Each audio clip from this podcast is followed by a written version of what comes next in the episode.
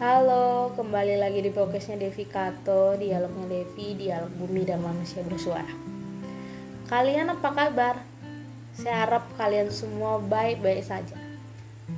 Tidak hanya fisik yang baik, tapi batin kalian juga baik-baik saja. Nggak terasa ya, kita sudah ada di akhir tahun 2021. Semoga tahun ini membuat kita dapat mewujudkan target yang ingin kita wujudkan di tahun ini.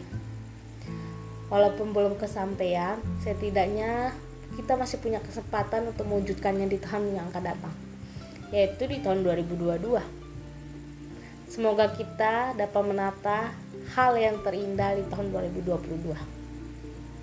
Oke, kali ini saya ingin bercerita sama kalian tentang sesaknya penumpang bus. Yuk kita cerita sama-sama.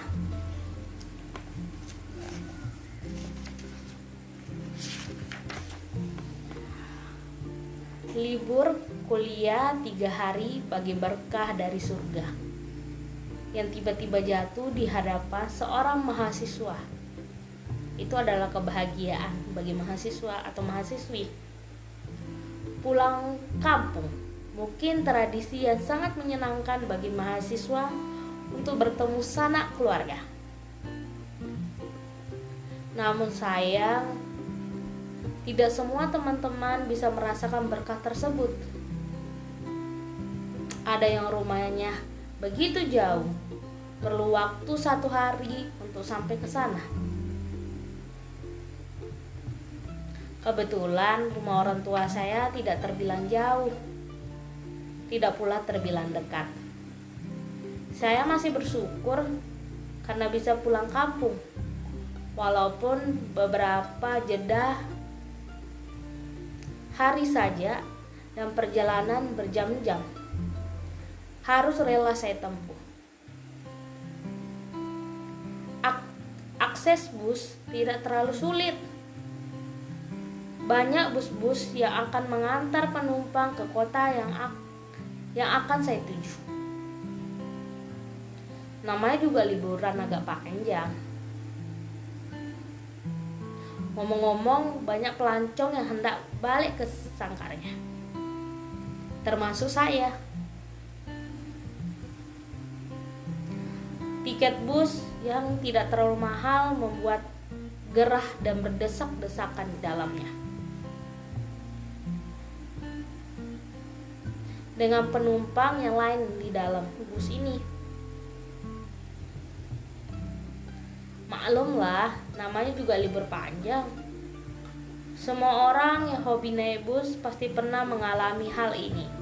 Berdesakan, kepanasan, keringetan, berdiri berjam-jam. Semua orang yang hobi, yang hobi naik bus pasti pernah mengalami ini. Apalah daya hal yang pasti terpenting adalah bisa sampai ke rumah dan segera bercengkama dengan sanak keluarga.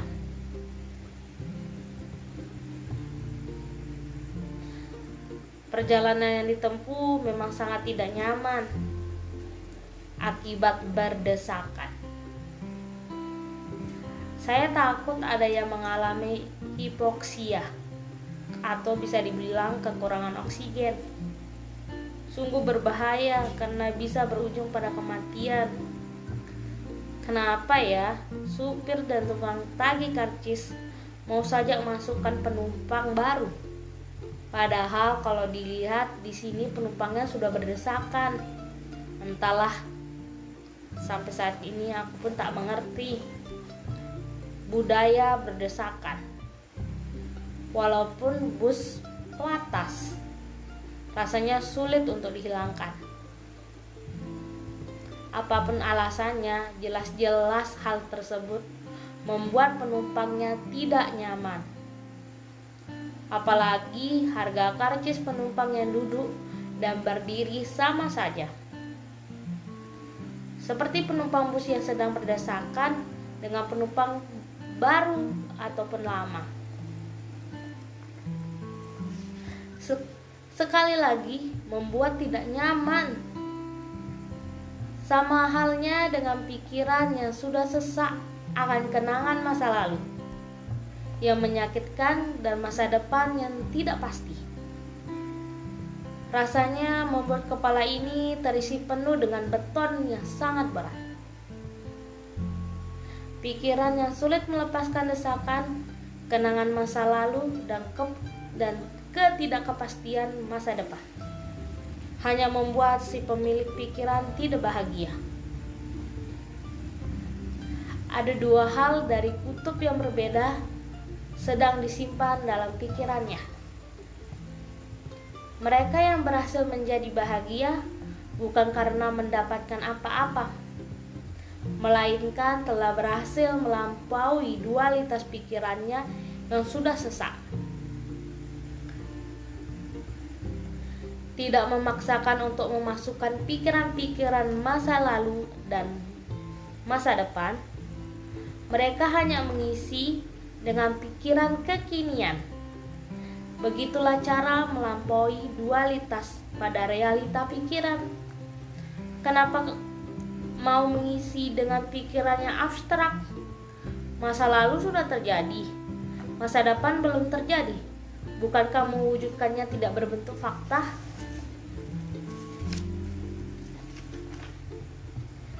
Pikiran kekinian akan menyatukan dua kutub pikiran, masa lalu dan masa depan, agar hanyut dalam aliran yang bahagia, seperti aliran sungai yang mengalir. Hanya mengalir saja, tidak melawan, tidak menilai, apalagi menghakimi. Sudah siapkah kita? Mari kita letakkan pikiran yang sesak sejenak, latihanlah menerima semua dualitas.